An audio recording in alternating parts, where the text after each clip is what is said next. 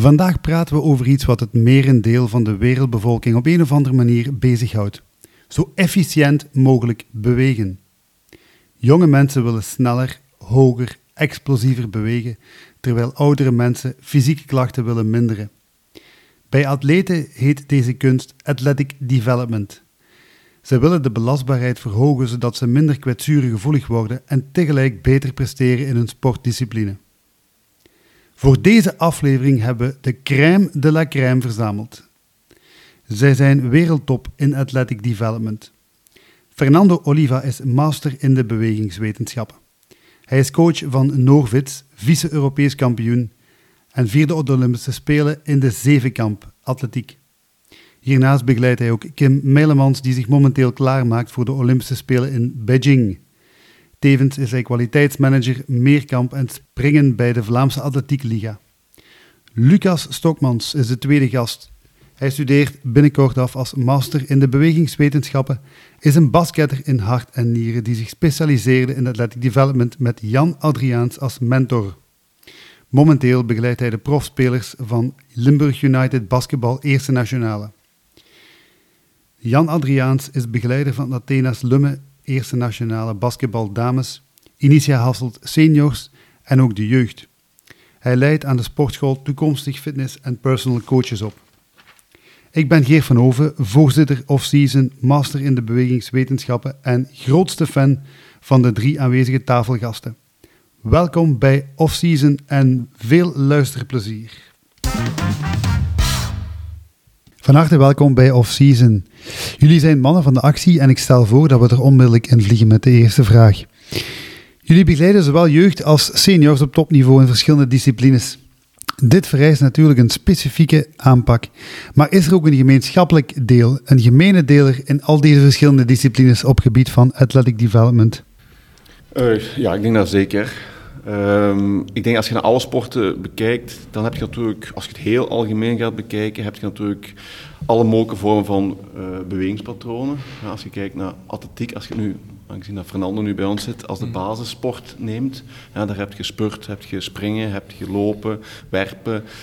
Uh, dus dat kun je een beetje voorzien als de, de baas van alle sporten. En iedere sport is eigenlijk uit die basisbewegingen uh, gevormd.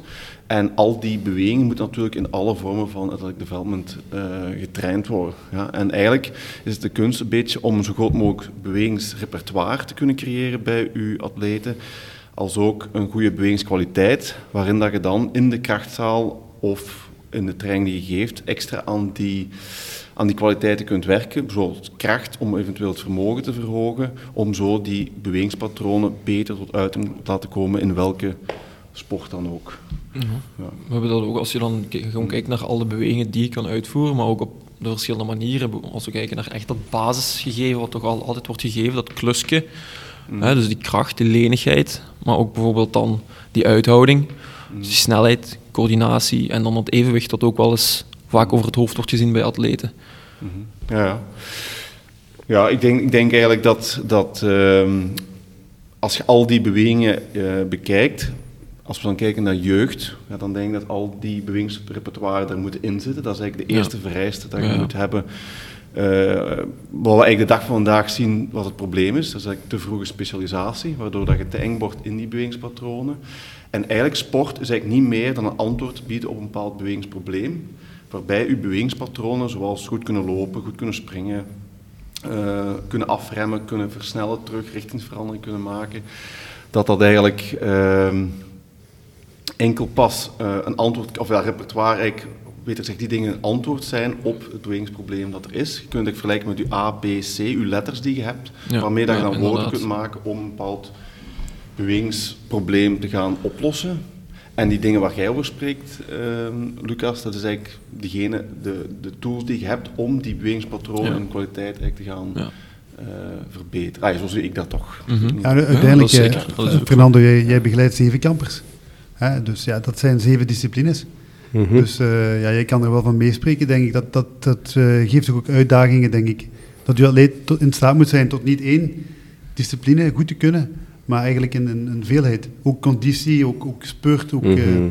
Ik denk dat je spreekt over um, long-term athletic development. En wat heb je eigenlijk? Heb je één de noden van de sport zelf. Dus wat is noodzakelijk om die sport goed te kunnen. Maar ook de noden van de sporter. Ja, en als je bekijkt op lang, langere termijn, laten we zo zeggen, het moment dat een kind begint met sporten, dus uh, die, die ondergaat in verschillende facetten van zijn groei, dan kom je in een periode, dat is de puberteit, dus, uh, waar de kinderen groeien. En de puberteit is groeien. Dus de botten worden langer, de spieren blijven op hetzelfde lengte, de pezen beginnen te trekken, dus dan beginnen de asymmetrieën. En dan heb je ook een, een tweede problematiek, is dat er is een verschil tussen een groeipiek bij meisjes en bij jongens. Ja? Dus dat zijn aspecten die gaan enorm beïnvloeden aan de, aan de aanpak, de oefenstof, de planning.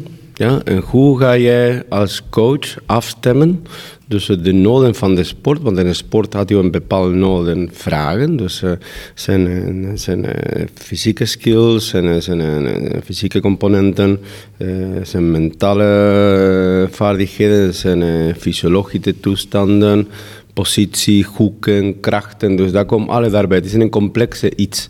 Dus uh, daarom denk ik dat wat gemeenschappelijk is, wat dat is je oorspronkelijke vraag, heeft te maken met uh, het respecteren, het proces van het groei van, de, van, de, van, van kind tot adolescent tot topatleet. Ja, gerelateerd aan de noden van de sport waar de atleten of de, of de spelers in, in teamverband uh, acteren. Ja. Maar bij, bij Stars, dus krijgen veel de opmerking van ouders van ja, mijn zoon is nog maar zoveel jaar, uh, is het al nuttig om iets te doen qua athletic development. En we zien bij Stars is uh, coach Yannick Marks, die de voorbije jaren eigenlijk dat heeft uitgebouwd, uh, specifiek op jongere kinderen. Um, kunnen jullie daar eens op antwoorden? Is het nuttig op elke leeftijd? Of vanaf welke leeftijd is het nuttig om, om iets athletic development naast sportspecifiek te doen? En hoe is die, die invulling dan concreet? Ik ga, ik ga er beginnen, ik ga terug beginnen, ik ga inpikken vanuit de, de, de, vorige verhaal van de, uh, van de groeicurve. Mm Dus je hebt sowieso, toen, uh, als de kinderen rond 6 tot 7 jaar zijn, dus de, de, de neuraal systeem is 85% ontwikkeld. Dus dat maakt dat bijvoorbeeld een, een kind in de turner door recrutering van vessels kan uh, kracht uitvoeren. Hè. Dus dat is het geval van turnen. Wat Waar, waar, waar, wat gaat samen met, uh, met de ontwikkeling van een, van een neurale systeem is dat je kan coördinaties aanleren. Dus daarom qua agility, ja, qua frequentie, ja, dat kan je wel ja, Dat kan je aanleren. Dus daarom veel sporten qua technische vaardigheden, uh, ja, des te vroeg, des te beter. Ja? Maar het tweede aspect is uh, de, de, hormonale groei, dat, dat komt iets later, waarvan de puberteit een belangrijke rol daarin speelt. En dan aangekoppeld is de musculaire uh, ontwikkeling. En dan heb je de vraag van, heb ik een explosieve type nodig of heb ik een non-explosieve type nodig? Want rond een leeftijd van 13, 14, dus dat, dan heb je Allee, twee typen vessels, de sneltype en de trage type. En, dat, en daar heb je een, een, een, type vessels die, die, ja, die transformeerbaar is op basis van de type prikkel dat je krijgt. Dus het, als, als het gaat over een explosieve type, en, eh, en, jullie zijn de mensen van de basketbal, dus waarvan de sprongkracht, de reactie, de, de verandering van richting, de, de reactieve voetplaatsing een belangrijke rol inspeelt, ja, dan heb je qua, eh, qua de musculaire werking is van, van cruciaal belang. Dus als je iets afremt, dan ga je een excentrische fase aan kunnen, je gaat je lichaam er positioneren en dan ga je pushen in een andere richting. Dus, dus dat betekent dat, dat het factor musculair rond de 14, 15 jaar beginnen een belangrijke rol daarin spelen. Dus daarom de groeicurve voor mij is een cruciaal grafiekje die iedere coach moet respecteren, vooral de jeugdcoaches, om, om, om het beste van, van, van, te maken van, van, zijn, van zijn spelers. Dus eh, eh, dat is wel uh, wat we ook zien, hè, want de, de spelers zijn er zeer enthousiast voor, voor die circuittraining die, die Yannick dan aanbiedt. Dus ze willen dat heel graag doen, iets extra doen. En als je dat juist doet, dan kan je daar al, al, al zeker iets nuttigs uh, uithalen. Uh, Lucas, jij begeleidt de, de seniors uh, bij United. Dat zijn natuurlijk mannen die al een hele basketloopbaan achter de rug hebben, eer ze, eer ze bij, bij jou komen eigenlijk. Mm -hmm. um, kan je ook op latere leeftijd, want we hebben de, de opmerking van Fernando, kijk, er zijn bepaalde fases in de jeugd waarop je op iets kan werken, maar bij volwassenen kan je dan ook uh, groot verschil maken door die athletic development uh, op het terrein dan? Oh ja, 100 procent. Je hebt aan de ene kant, je hebt, uh, je hebt ook altijd jeugdspelers die instromen in de eerste ploegen. En dat is heel vaak het kantelpunt voor hun, waar dat ze oftewel dat ze gaan kampen met overbelastingszaken. Dus waar dat je echt moet zorgen dat ze zich kunnen houden op dat volgend niveau. Maar ook waar als ze zich goed kunnen houden daar, dat je kunt verder werken. Dat je kunt gaan zorgen dat ze te goed gaan bewegen. Um, dat ze explosiever worden. Naarmate dat die leeftijd stijgt, weten ze één, kennen ze hun lichaam veel beter als ze die groeicurve eenmaal voorbij zijn. Um, dus dan weten ze beter wat dat hun lichaam aan kan, welke hoeken ze kunnen maken, welke hoeken hun minder liggen. Um, en leren ze ook beter hun lichaam te onderhouden. En hoe ouder men wordt, hoe, beter dat, hoe belangrijker dat dat onderhoud ook wordt. Dus dat zien we nu ook wel heel fel. De oudste spelers zijn eigenlijk bijna spelers die het beste in orde zijn. Op dit moment bij ons. En, en de beste mentaliteit misschien in die athletic development training? Daar is inderdaad, maar dat merken we ook wel, hoe jonger de generaties, um, of ja, dan spreek ik over meerdere profs, um, hoe harder je ze moet pushen. Dus echt de oudere generaties, die hebben al ietsje meer nog van zichzelf meegekregen of van de opvoeding meegekregen, dat ze echt hun lichaam, dat dat allemaal in orde moet blijven. Dus iets ja, anders waren ze er niet meer. Anders waren ze ja, er voilà, hè, dus echt het, het slijken, dat komt wel wat meer voor. Dat, dat is gewoon echt zoals een generatie, generatieverschil. Um, maar op zich, ja, de, de atleten starten altijd vanuit eenzelfde basis, laat ik het zo zeggen. En ze hebben altijd een werkpunt om naartoe te gaan. Of dat nu op een hoger niveau is of op een lager niveau. Iedereen heeft een basis en waar dat naartoe gewerkt moet worden, wat dat beter moet. Ja, want dit, dit is wel uh, iets wat wij ook wel uh, regelmatig uh, mee te maken krijgen. Dus goede spelers die zeggen van ja, ik, ik ga niet athletic development extra komen doen, want ik heb al last van mijn knie of ik heb al last van mijn Achillespees. En mensen snappen niet goed dat eigenlijk een groot deel van athletic development ook is die, die kwetsurenpreventie en het verhogen van, die, van die belastbaarheid. Hè. Mhm. en dat is wat eigenlijk op jonge leeftijd nog meer zou moeten gedaan kunnen worden op, uh, um, op, op, op uh, in Limburg, zal ik zeggen. Hè, dat die mentaliteit vanaf, vanaf jeugd goed zit en dat die bij de, um, ja, bij de seniors uh, vlotter kunnen, kunnen invoeren en dat die mentaliteit ja. goed zit. Ja, want het is ook, de lichaamscoördinatie ziet je heel veel achteruit gaan. Hè. Bij, bij, vind ik persoonlijk. uh, qua jeugd, omdat ze ja, gewoon minder actief zijn in de vrije tijd. En dan van daaruit ook gewoon hun lichaam veel minder goed leren kennen. Als je eenmaal met hun bezig bent en je, je krijgt dat ritme erin, dan merk je wel dat die, dat die grens wel goed opgebouwd kan worden. Maar dat startpunt dat ligt lager iedere keer. Ja. Ja, ja. Als ik dat mag op aanpikken. Ik, waar ik mee begonnen ben met dat bewegingsrepertoire, waar eigenlijk we moeten mee beginnen. En dat ik een soort van antwoord kan zijn op het, op het probleem dat, dat de tegenstander geeft, als ik het zo mag bekijken. Ik vind persoonlijk dat dat, zoals, zoals Lucas zegt, eigenlijk heel, heel zwak is. Als je kijkt naar de coördinatieve bewegingen, ik, ik heb nu Fernando hier bij ons, ik denk als hij dat bekijkt vanuit het oogpunt van atletiek naar pure loopscholing toe en hij bekijkt naar basketter, ik denk dat zijn maag oh, een paar keer omdraait bij spreken als hij uh, ziet uh, lopen. Uh, misschien is dat een vraag aan Fernando. Wat ziet jij misschien als belangrijkste werkpunten voor een basketbalspeler in, in, zijn, in zijn looptechniek? Mhm. Ja, nogmaals, uh, die, um, als je bekijkt vanuit een analyse wat is noodzakelijk om basketbal fysiek daar aan te kunnen, en dan, dan isoleer ik enkel de stuk lopen. Ja, jullie lopen in multidirectioneel, mm. dus eigenlijk in alle richtingen. Mm. Dus dat betekent dat de, de, de klassieke cyclische looppatroon, mm. uh, dat is hier niet van toepassing. Ja, dat is waar, ja. ja. Dus daarom kan je niet vergelijken uh, een met de andere. Denk je misschien dat bepaalde coördinatieve drills die je in atletiek gebruikt, dat die ook nuttig zijn voor basketters?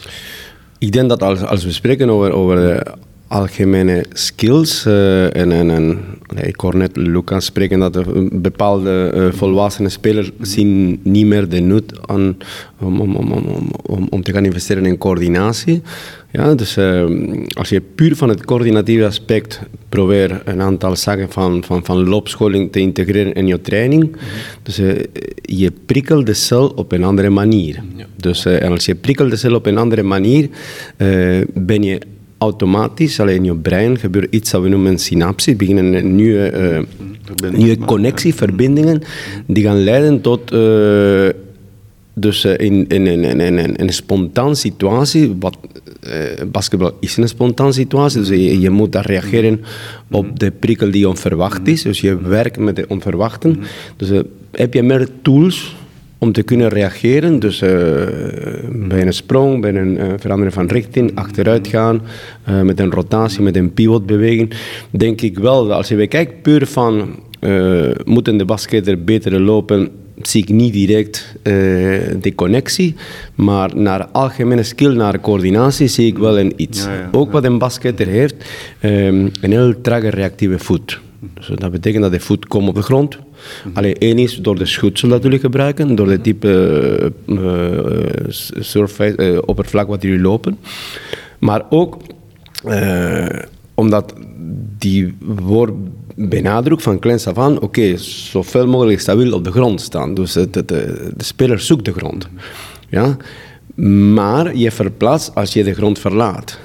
Dus, dus daarom zijn in het moment dat je mm. de, de, de, voet los van de grond komt dus, en jij begaafd bent op bepaalde bewegingen of nieuwe bewegingen aan te kunnen, ja, je hebt meer tools om te kunnen reageren op de onverwachte momenten. En misschien iets mm. kleins zeggen van, van de long-term athletics development.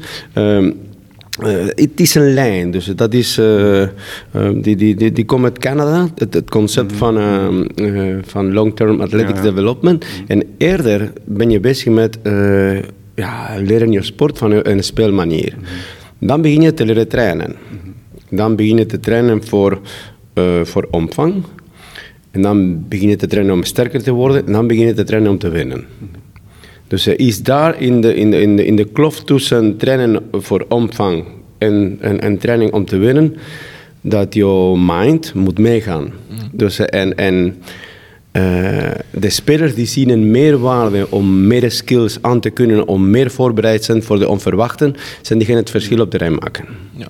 Ja. Maar ik, waarom ik nu die vraag gesteld heb, omdat je kunt vanuit atletiek, hè, als je atletiek kijkt, dan wordt bijvoorbeeld heel veel aandacht gespendeerd aan pure technische onderdelen, bijvoorbeeld van een sprint of van de topsnelheid lopen of wat dan ook, of van, een sprong. Ik denk dat dat ook zijn plaats heeft in, in, in de, de basketbalwereld.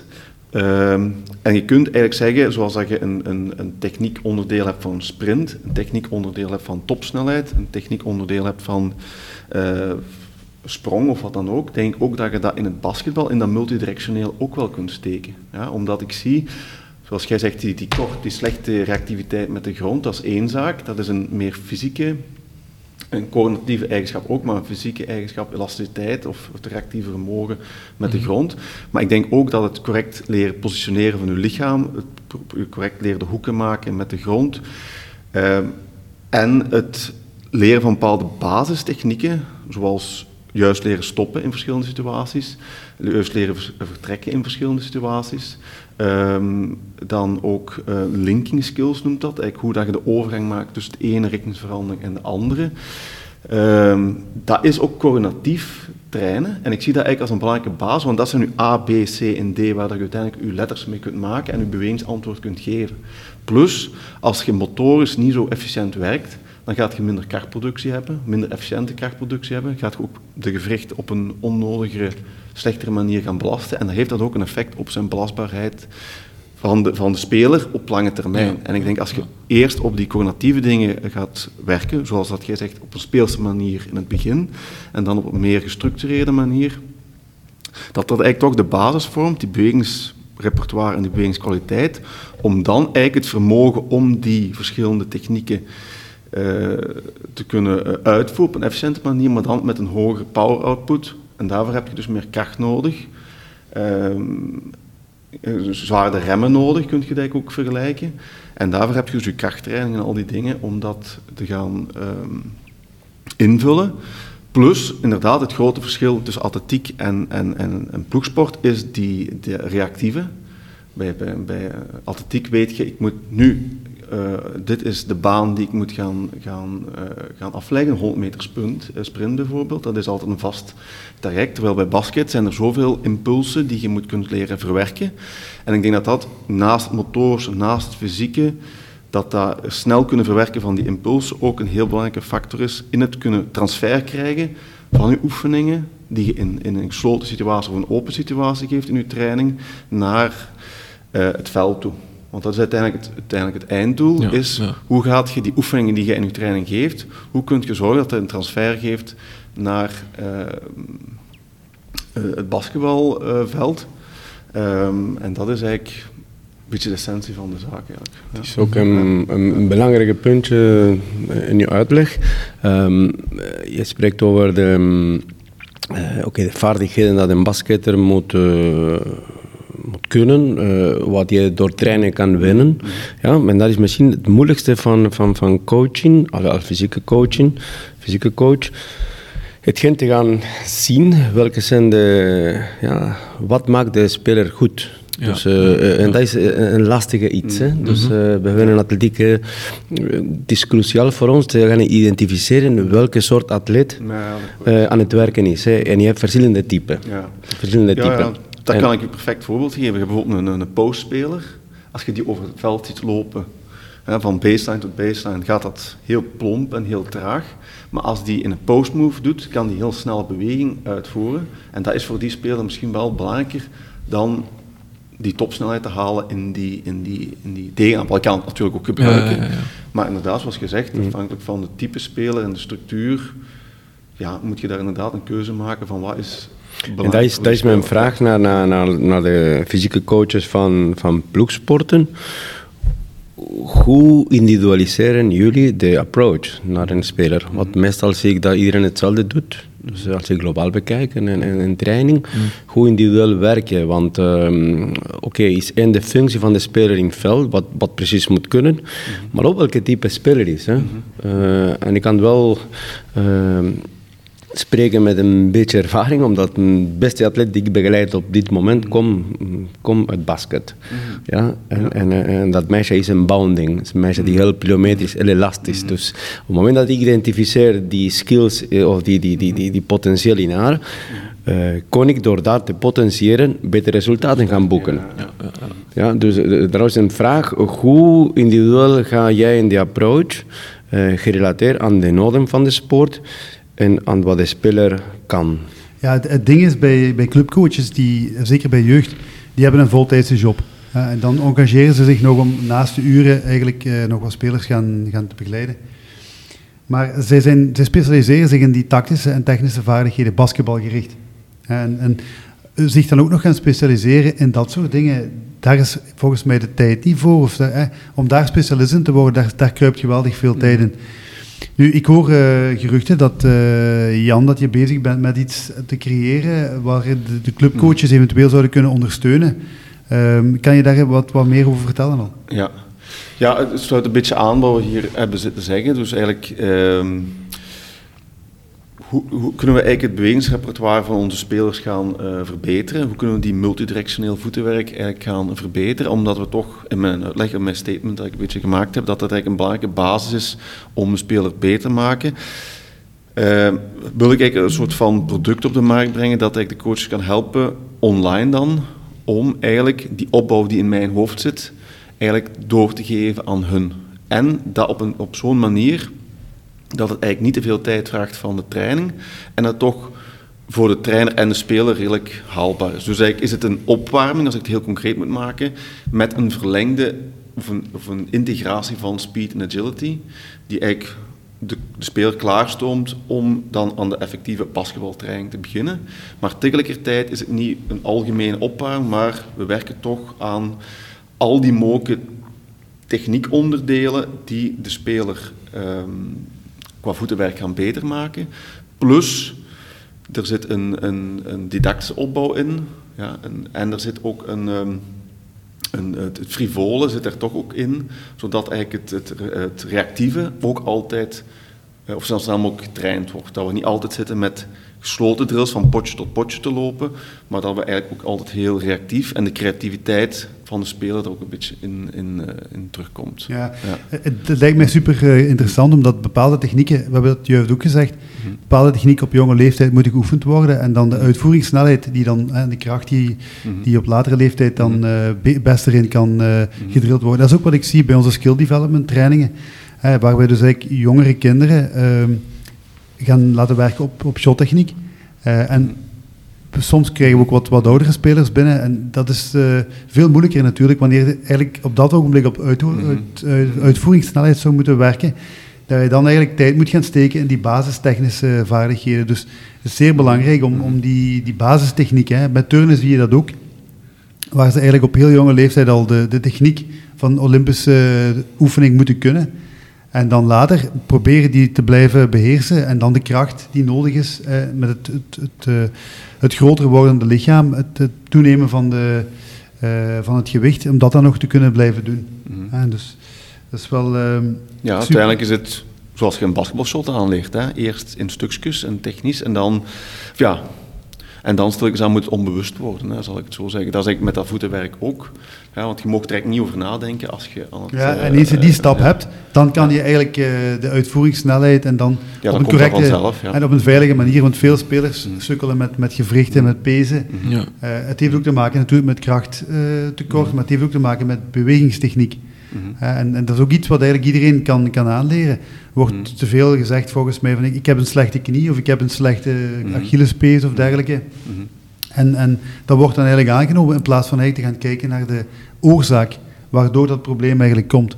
Uh, en, en, niet alleen het probleem proberen op te lossen, maar ook naar de oorzaak en eigenlijk het probleem aan de bron uh, te stoppen. Ja. Ik zou uh, ook nog wel, want ik weet dat Fernando er ook nog een vraag had gesteld van hoe individueel werken we nu daadwerkelijk met in, in ploegsporten. Uh, en dat hangt ook een beetje vanaf op welke leeftijd dat we aan het kijken zijn. Want ik denk, hoe jonger dat je bent, hoe groter je groep van spelers ook wel zal zijn, hoe algemener je het moet gaan beschouwen. Dus daarin zullen we meestal wel een, een gelijke lijn trekken van oké, okay, we verwachten een basisbeweegpatroon en we zullen van daaruit wel kijken wie dat snel vordert en wie dat we nog altijd op een bepaald basisniveau zullen houden. Maar als we echt kijken naar, ja, naar de, de ouderen of de, meer de topsport, dan kunnen we daar toch al redelijk individueel in gaan. Ik ga je bijvoorbeeld een voorbeeld geven uh, met bijvoorbeeld een postspeler, waar Jan al juist zei van die, die explosiviteit onder de ring, echt op korte bewegingen. Dan zou ik al veel meer individueel gaan focussen op rotatiekracht of echt het bewegen vanuit die korte hoeken om van daaruit snel te reageren, dan in plaats van met een, een speler op de vleugelpositie die heel veel korte, snelle sprints zal moeten afleggen of korte, snelle eerste stappen vooruit zal moeten doen om daar meer eenbenige explosiviteit bijvoorbeeld op te werken. Dus op dat vlak kan je wel heel individueel gaan als je er natuurlijk de tijd ook voor hebt. Mm -hmm. ja, en ook natuurlijk de geweldige meerwaarde. Uh, ik heb het in de intro al gezegd dat Lucas ook uh, geboren en getogen basketter is, zoals Jan ook. Maar Fernando is dat ook in zijn sportdiscipline. Dus ja. zij beheersen eigenlijk die sportdiscipline op zichzelf. Mm. Zij weten, kennen de verschillende rollen, zij kennen de verschillende bewegingen. Ze hebben hun jeugd altijd gebasket. En zijn vanuit daar eigenlijk die passie uh, meegenomen in het krachttraining. Wat natuurlijk ook een geweldige meerwaarde is. Tegenover dat je hier gewoon uh, om een DVB zo uh, krachttrainer, hoe goed die persoon dan is, krachttrainer zou laten spelen. Um, die heeft die basis niet, hè? Die, die bagage, nee, nee, nee, die basketbagage. Moet, ik denk dat als je een goede trainer wilt zijn, wat het ook is, dan moet je toch het zelf gedaan hebben. Of, of toch hetgeen dat je aanbiedt ook zelf gedaan. Omdat de, de, de inschatting die je maakt van wat dat je geeft, of hoe dat aanvoelt, of ja. wat dan ook, dat dat toch altijd ja, dat je dat nooit niet uit een boek kunt leren natuurlijk. Hè. Ja, dus, uh, nee, ja, belastbaarheid is dat zeker een aspect. Hè.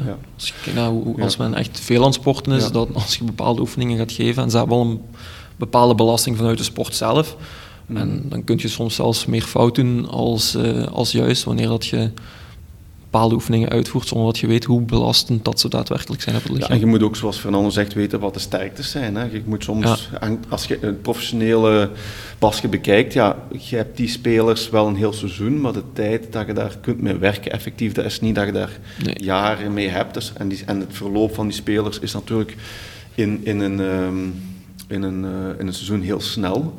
Dus je moet heel snel to the point komen ja. van wat het hebt. Nu, ik ga het allemaal eens in de context plaatsen. Als je nu bij Limburg United zit en je hebt een profploeg waar dat je heel veel tijd hebt om daar aan te kunnen werken, dan kun je dat eerder doen. Maar je moet ook soms kijken naar de algemene atletische vaardigheden van je ploeg in het algemeen. Als de baas er niet is... inderdaad. Ja, je kunt natuurlijk niet de topje van de piramide daaraan zitten schroeven als, als het fundament uh, er niet is. Zeer zeker. En dat zie ik in basket heel veel, eigenlijk gezegd. Is dat er mhm. eigenlijk niet echt op dat vlak een goede baas is. Hè? Zoals, zoals Fernando zegt, bijvoorbeeld die elasticiteit. Ik zou zeggen, bekend dat dat is een rariteit bij, bij veel uh, basketters, hoewel dat ze soms wel goed kunnen eh, springen. Maar na, na pure elasticiteit is dat bij bijna alle spelers uh, uh, een werkpunt. Ja, klopt. Ja, en, en ook hoe kun je correct leren stoppen. Als ik soms iemand in eerste klas zie bewegen, dan denk ik, oké, dat is een goede basketter, maar puur Anatomisch efficiënt gezien, of biomechanisch is dat niet de beste manier om dat uh, te doen. En heb je dan de tijd nog om dat allemaal recht te trekken? Ja, want dat is een ander Dat is heel vaak, zijn die ook al zo geconditioneerd. Ze doen al ja. zoveel jaren op voor zo'n lange tijd. Dat is heel moeilijk voor dat beestje dan weer iets anders aangeleerd te krijgen. Uiteindelijk is het, als die goed presteert op veld, ja, je kunt er aan werken, maar... Uh, is het dan weer het dan belangrijk? dan weer waard? Want als je aan iemand zijn, zijn, zijn techniek begint te schroeven of zijn manier van werken, dan kan dat een negatief effect krijgen. Of mm -hmm. kun je zelfs omdat men dan weer andere spieren op een andere manier gaat belasten, om juist in de blessure trainen. Dus Ja, dat is ja. de moeilijkheid van ploegsporten, vind ik, is dat je om relatief als, als physical trainer relatief weinig tijd hebt. De prioriteit is ook dan de sport op dat op het moment zelf. En er is elke week een wedstrijd. En er is elke week een wedstrijd. Ja. Ja, het is heel complex, eh, vind ik persoonlijk. En je kunt dan zeggen, zoals Van Al zegt, je kunt de, de zwaktes en de sterktes gaan zoeken van die speler. Daarvoor heb je al redelijk wat mm, specifiekere meetapparatuur nodig, als ik eerlijk moet zijn. Mhm. Om dan eh, budgetair, want dat is ook, ook meestal het geval, dat is ook dan een, een, een, een, een, een obstakel waar je over moet. En dan nog heb jij de tijd om daar. Ik zeg niet dat er niet aan werken, hè. maar ja, dat is anders dan een individueel Het is altijd afwegen. Ja. Het is altijd Ja. afwegen. Ja. Ehm, Ja. Nu hebben we het nu vooral over de fysieke kant van de athletic development eh, gehad. Maar eh, ik had eigenlijk, ik weet dat van mezelf ook eh, toen ik jong was, maar in onze begeleiding bij United, toen Jan en ik daar zaten, ehm, had je ook het gevoel van eh, dat die spelers, als je daar echt individueel een schema mee gaf, dat die spelers het gevoel kregen dat ze in de lift zaten. Die kregen een bepaalde vibe.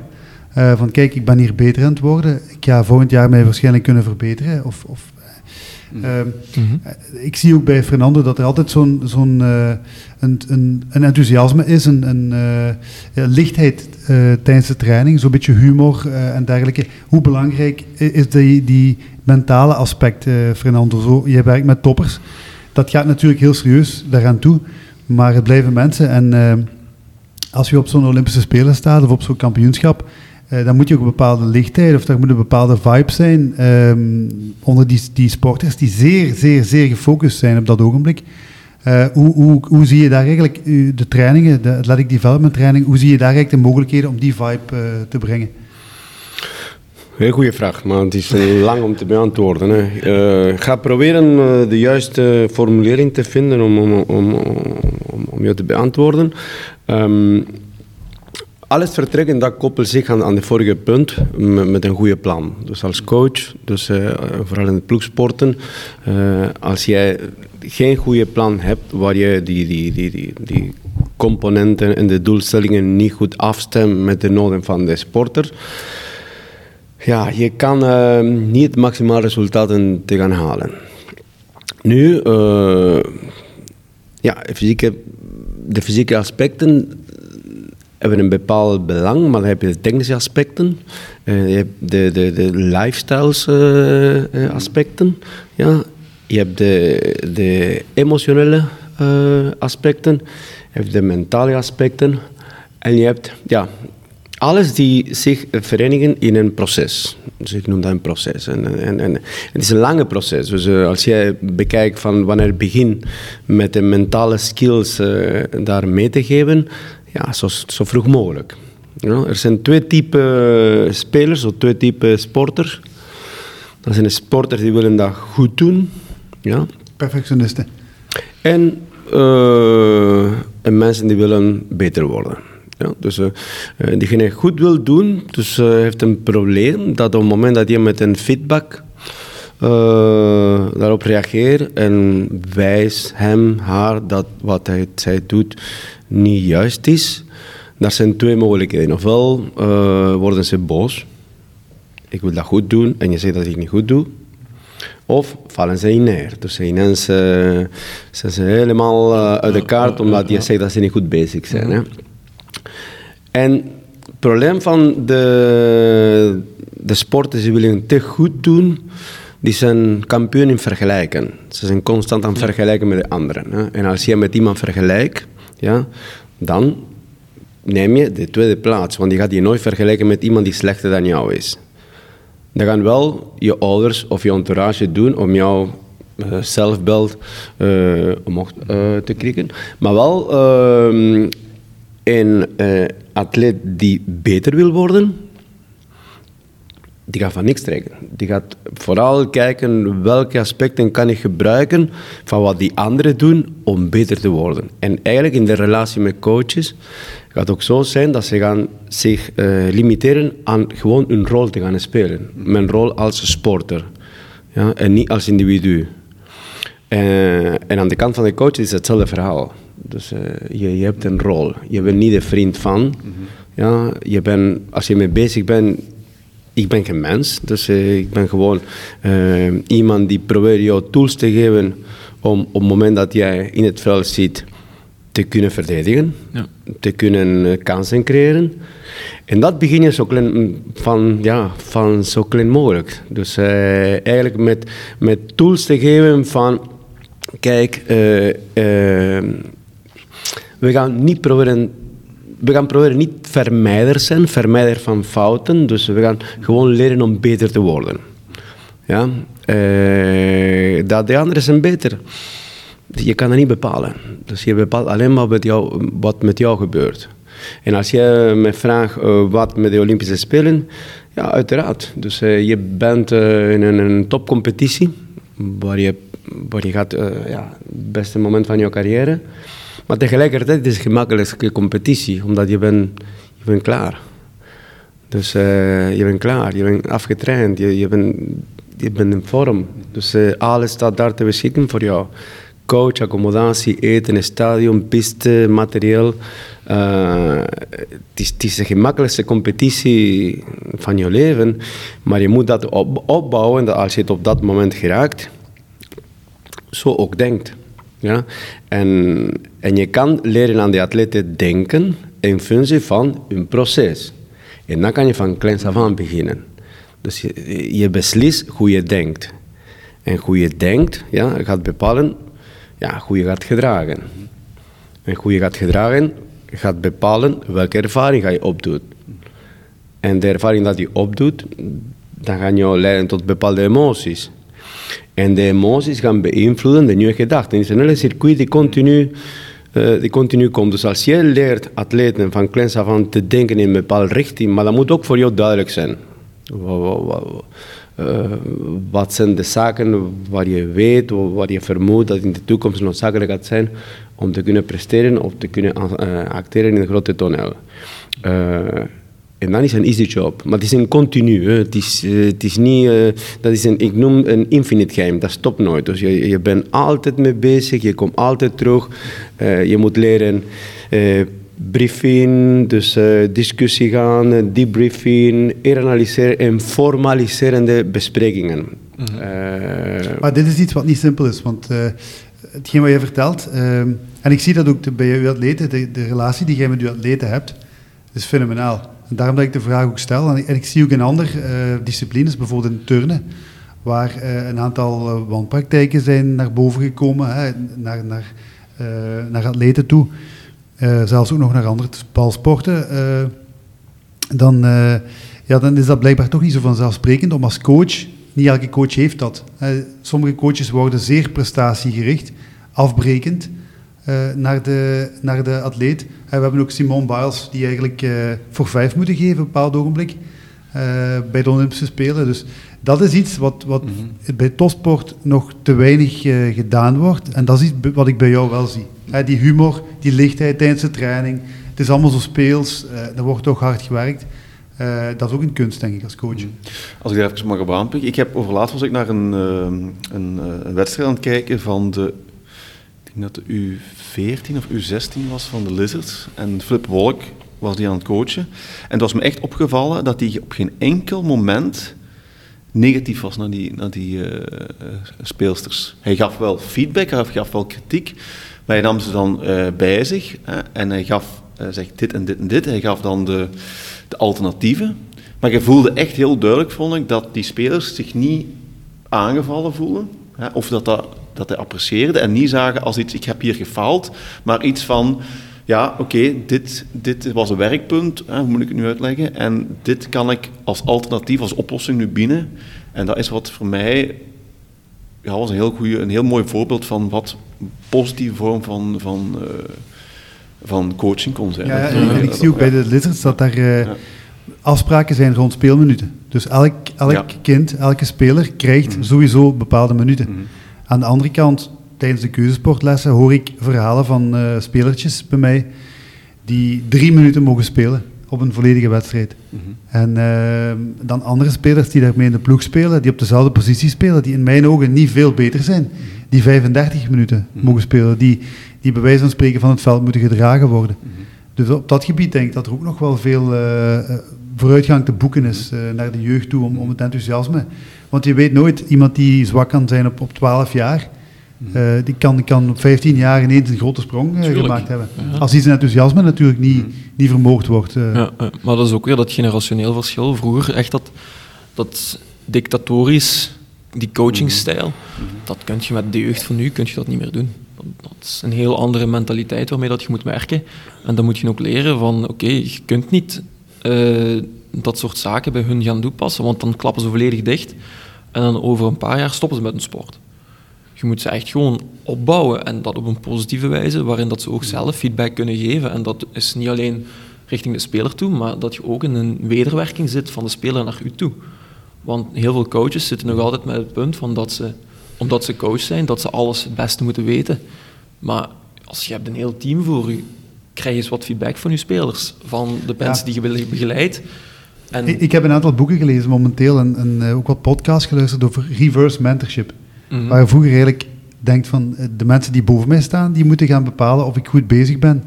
Is het eigenlijk nu meer de, de stelling van kijk, check bij de mensen die onder u, Ja. enfin, onder u staan is nu lelijk woord, maar waar, jij, waar je je leiderschap over hebt. Eh, laat die bepalen wat uw sterktes en uw zwaktes zijn. Ik denk dat daar inderdaad ook een, een heel grote shift is gekomen. Eh, en dat het niet altijd gemakkelijk is voor coaches om die shift nu ook, eh, Dat is ook moeilijk, te hè? maken. Dat is moeilijk, want je geeft eigenlijk bijna je, je positie om te zeggen, om te doen en te laten wat dat ze kunnen, geeft je eigenlijk open en bloot om te zeggen van Geef mij feedback. we, we komen op dezelfde hoogte. En dat is moeilijk en je moet daarmee leren omgaan. Veel Maar communicatie. Er is Veel heel veel communica- communicatie nodig, maar het is wel noodzakelijk, denk ik. Dat vind ik eigenlijk dat de, de job van athletic development of eh, athletic development coach in, in de ploegsport zo moeilijk maakt. Omdat Ja. jij hebt eigenlijk helemaal niks te zeggen over wat die speler op het veld gaat doen. Je Inderdaad. staat er ergens tussenin. Je moet, u, je, moet, je moet kunnen zeggen wat die mensen moeten doen, maar aan de andere kant weten die mannen ook dat jij niet beslist wie dat, of dat zij gaan spelen of, of niet. En om ze dan voor u te winnen, is eigenlijk een heel moeilijke eh, Ja. job. Ja, en da- dat is natuurlijk ook uw, uw people skills die dan eh, aan bod moeten komen. Ik had een artikel gelezen een tijd geleden over een, een coach van ploegsport, van hockey eigenlijk.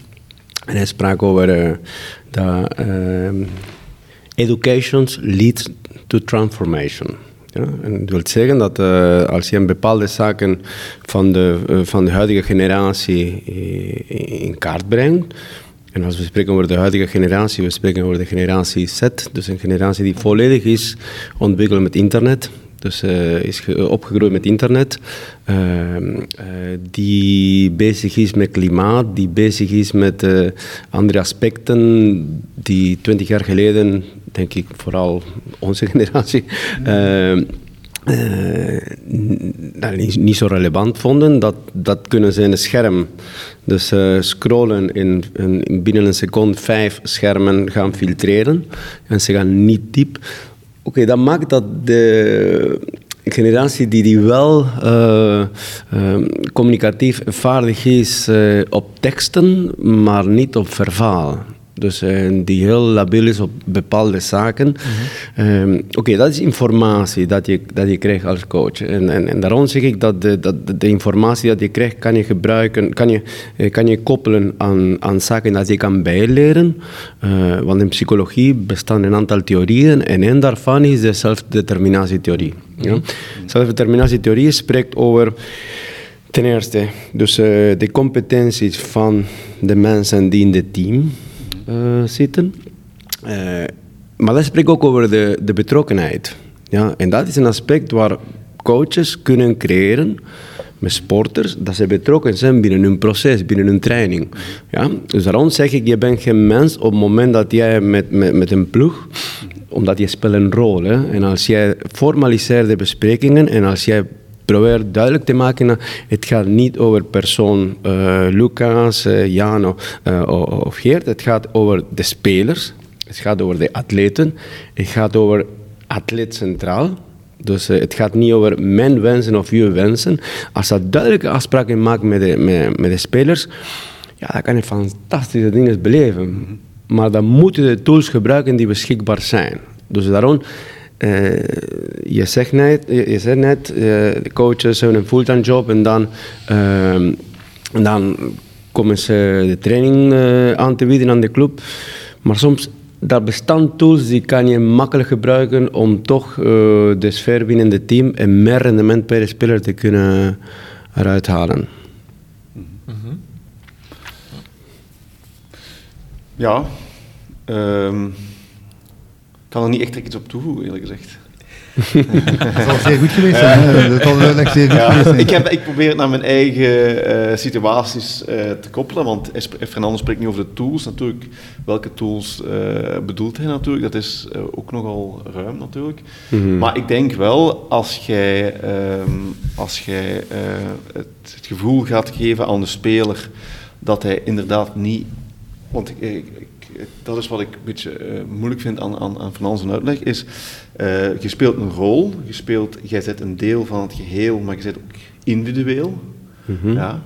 Dus ik denk dat in onze rol als physical uh, coach, dat wij ook het gevoel moeten geven aan die speler, dat hij de verantwoordelijkheid natuurlijk heeft naar de, naar de groep toe.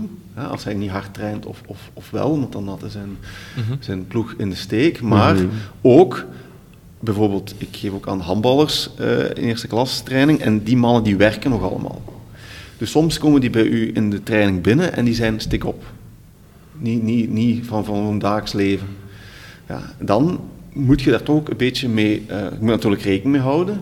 En dan moet je natuurlijk je oefenstof aanpassen aan hetgeen dat je uh, voorzien had normaal gezien.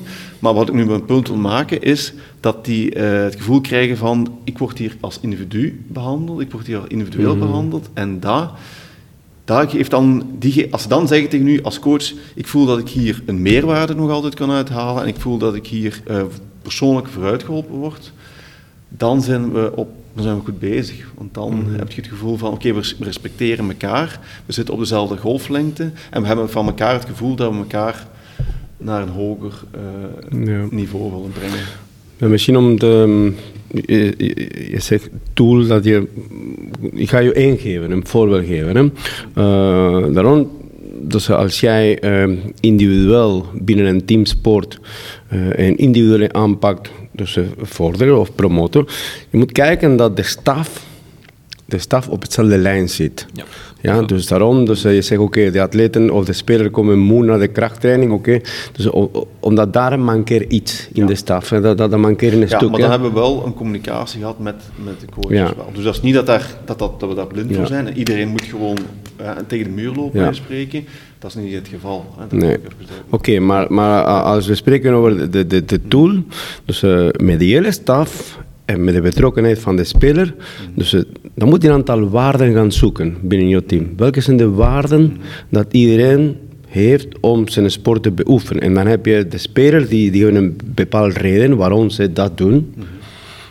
Jij als coach hebt ook een bepaalde reden waarom doe je dit. Dus, eh, eh, en, en, en dat maakt als je iedereen zijn individuele waarden dus naar voren kan, eh, eh, kan tonen. En dan worden gevonden de gemeenschappelijke waarden. Dus ik heb met, met alle atleten een bepaalde gemeenschappelijke waarden dat wij delen. En dat is de drive van onze samenwerking. Ja? Bij sommigen is greed, bij sommigen is challenge en respect, bij anderen zijn eh, vooruitgaan, niet opgeven, bij anderen zijn respect, respect en nog respect, bij anderen zijn eh, dus eh, go to the dead. Dus eigenlijk, dat, dat, dat maak je waarden dat, dat, dat, mm, dat iedereen deelt en dat maakt dat je, dat je samenwerking zo sterk maakt. Ja, ja, ja. ja. Ja, dus je, je kan heel diep ingaan ook in de cultuur van, van, van je team. Ja, hoe ga je je team eh, opklikken? Omdat, omdat jullie hebben een gemeenschappelijke doel. En uiteraard zijn diversiteiten. En denk ik als coach eh, moet je niks anders doen dan embrace de, de, de, de verschillen. Ja, dat zijn de diversiteiten. Want als iedereen hetzelfde zou zijn, ja, je zou heel veel sterke punten, maar ook heel veel zwakke punten en gemeenschappelijke zwakke punten. Dus daarom, op het moment dat de ploeg divers is, ja, en de diversiteit moet eh, besproken worden en moet aanvaard worden, en je kan de waarden daaruit halen en gemeenschappelijke waarden als coach verzamelen en zeggen, oké, dat is mijn power, en altijd het team dus aanpakken vanuit jouw waarden, dus dan kan je dus een, een enorm beïnvloeden veroorzaken. En als coach, we zijn niks anders dan beïnvloeders en manipulators. Ja? En als je dat manipulatie richt meer naar prestatie toe, ja, je kan ongelofelijke dingen doen. Ja, ja, ja. Daar spreek ik over Cultuur bouwen, hè? Ja. Eh, Er komt veel communicatie ook bij. Hè. En, en wat wij tijdens bij United, Jan en ik, hebben gemerkt is... Op het begin van het jaar stelden wij de vraag aan de spelers... van, wat zijn de punten waaraan jij wilt verbeteren? Ah, ik wil sneller eh, kunnen starten. Ik wil eh, hoger kunnen springen en dergelijke. Van daaruit begonnen wij. Hè, dus we stelden niet een schema op op basis van wat wij zagen... maar wij lieten dat ook vanuit dat leed komen. En dat gaf natuurlijk natuurlijk ook vleugels... want wij werkten eigenlijk in functie van hun. Dus wij waren eigenlijk werknemer bij elke speler afzonderlijk. Die zijn werkpunten meegaf die hij dat jaar wou, wou eh, realiseren. En dat, eh, dat, dat heeft geweldig gewerkt. Ook omdat we weer met die vibe kregen van we zitten in de lift. En dat waren allemaal kortlopende contracten. Dus er zijn spelers die zich geweldig hebben kunnen verbeteren na dat jaar. En na het tweede jaar ook trouwens. Dus dus dat, dat, die communicatie, dat is iets waar, waar ja, tegenwoordig nog veel meer op, op kan worden ingezet. En waar ook nog heel veel onontgonnen terrein qua motivatie. eh, en dat is iets wat altijd blijft duren. Hè. Dat is iets waar je als coach... Mensen zijn altijd in beweging. En eh, er is altijd wel iets wat, wat eh, begint te sluimeren of wat begint... te- en dat komt nog eens bij het, uw, uw, uw, pakket dat je wilt zien, inhoudelijk. En ik zie ook, ik sta ook in het onderwijs, ik zie veel leerkrachten die zeggen van kijk, ik geef heel graag les, alleen de leerlingen. Alleen de leerlingen vind ik, vind ik er te veel aan. Terwijl je ook zou kunnen zeggen, ik start vanuit mijn leerlingen en ik probeer hen te vragen, kijk, dit, dit, vak moet ik geven. Welke punten gaan we in de eerste fase doen? Welke punten in de tweede fase? Wat ben je ermee? Eh, waardoor de leerlingen eigenlijk een drive kunnen worden in plaats van een, eh, eh, ja, een struikelblok, of hoe moet ik zeggen. Dus, maar die dingen, dat merk ik heel fel bij ons in het onderwijs, dat er heel veel leerkrachten zijn die stilletjes aan uitdoven. Hè, die die eh, burn-out en dergelijke, die het niet meer zien zitten. En er zijn leer, leerkrachten die, die die vibe blijven houden. Die, die, eh, maar dat is niet simpel, want dat hebben, wij hebben eigenlijk in, het, in die generatie gezeten waar dat nog niet was. Wij zijn zo nog niet opgevoed eigenlijk. En opgeleid binnen onze sport. eh, Ja, want in essentie, een coach zijn is veel meer people management. Je zou bijna even goed op de HR-departement kunnen gaan staan. Hè. Ja, Eh, absoluut. eh, je hebt je inhoudelijk gedeelte, wat dat je aan je trainingen kunt invullen. Maar aan the end of the day, je moet ze aan de gang krijgen en ze moeten blijven werken. En dat is bij sommige spelers, die zullen inderdaad, die zullen vanzelf al altijd door een muur willen gaan voor u. En bij de anderen moet je daar echt via god weet hoeveel omwegjes om toch erin proberen te komen. Dus dat is ja, superveel people management skills eigenlijk wat dat je moet creëren. Wilt je efficiënt zijn, zowel als coach zijn, maar ook in het onderwijs bijvoorbeeld. Ja, zo coach Ja, zijn, hè. En daar Ja, nog dat meer ook coach zijn, En daar nog meer, want die, eh, als, als, als basketcoach beslis je wie er op het veld staat. Ja. Wie op het veld staat, kan presteren. Hè? Maar in het onderwijs heb je dat zelfs niet. Dus er is geen wedstrijd in het weekend. En toch moet je zorgen dat je speler gemotiveerd is, of je speler of je leerling gemotiveerd is om in de klas zijn best uh, te doen, zonder dat je onmiddellijk, oké, hij haalt zijn punten dan wel, hij zal zijn diploma wel halen, maar dat is nog allemaal ver af. Mm -hmm. Dat zijn geen korte termijnsdoelen. Dus en die, dat contact met, uiteindelijk, wat is mijn doel? Ik wil dokter, advocaat uh, of basketter worden op jonge leeftijd. Uh, daarom moeten wij ons zo verfijnen. En ook als dat, dat ik development coach, want daar heb je dat ook niet. Mm. En je bepaalt ook ja, niet wie op het veld staat. Nee, nee. Maar ik denk dat we als coach allemaal er moeten in verdiepen. En iedere coach heeft zijn dada. De ene is meer geneigd om een trainingsleer te verdiepen. De andere houdt meer van dat. De andere is meer met het psychologische bezig. Net zoals dat je je spelersanalyse maakt van wat zijn mijn sterktes en zwaktes, moet je dat bij jezelf ook doen. Hè. En, Klopt. En, ja. en je kunt natuurlijk niet alles weten, want het is gigantisch als je daar begint. De coaching is de laatste decennia, coaching is een, een, een, een beetje een sexy woord een sexy woord geworden. Iedereen zegt coaching, coaching, vooral is een coaching. Life coaching. Relatiecoaching, life coaching, dus alles coaching. Maar uiteindelijk, je sprak net over onderwijs. En onderwijs, we zijn geen coaches in onderwijs, we zijn opvoeders. Ja? ja. Uh, we, we, we, proberen uh, mensen te beïnvloeden door eerst dus, uh, regels mee te geven, normen dus uit te leggen, hun plaats in de maatschappij te, de, ja, te leren nemen. Uh, en ja, eerst de neiging is, oké, okay, doe maar je plichten en dan vraag je rechten. In plaats van eerst je rechten en dan je plichten. Ja? Maar wij zijn geen coaches in onderwijs. Dus dat coaches. Dus je bent eerder, ben je een, een sport ook, je bent een trainer. Dus je leert vaardigheden. Dan word je een coach. En een coach word je op het moment dat mensen dus uh, in een andere context leren dingen te doen. Dus je kan shotten hierboven op je eigen met muziek. Maar als je moet in een veld doen met 60.000 toeschouwers, ja, dat is een andere context. Dus dat wordt een skill. Ja, want je moet de techniek gebruiken om uh, hetgeen dat je altijd doet op je eigen in een andere context te doen. Dus dat is coaching. Hoe doe je dat iemand in een andere context kan hetzelfde blijven doen? Ja. En dan komt een derde facet en dat is, je gaat naar mentoring. Mentoring, dan ben je mee bezig met het leven van de mensen. Ja, dus en, en dat is een hele, eh, een hele lijn, een hele lijn van de evolutie, van, van beïnvloeden naar, naar, naar, naar mensen. Uh, dus daarom, het woord coaching in onderwijs uh, vindt niet zijn plaats. Uh, dan heb ik verschillende discussies hierover gehad met collega's hier op school, maar we zijn geen coach, we zijn, we zijn opvoeders. Ja, en als je van daaruit vertrekt, dan vertrek je vanuit de kinderen eigenlijk en je probeert die kinderen sterk te maken.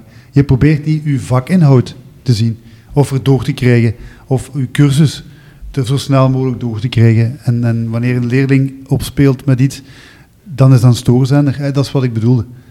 Dus... Uh, hmm. Man, het wordt even stil. Ja, je kunt, daar blijven, je kunt daar blijven op, maar we zijn misschien een beetje aan het afwijken van ons, eh, het originele uh, Maar in ieder geval, er is, er is nog veel stof waar we het in de toekomst misschien nog eens over samen kunnen hebben. Mm. Maar ik wil jullie voor vandaag heel hard bedanken.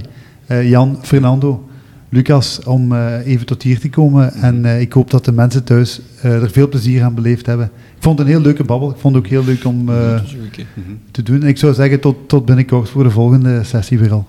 Zeker. Ja. Dank u wel. Dank u wel. Ja, bedankt Geert.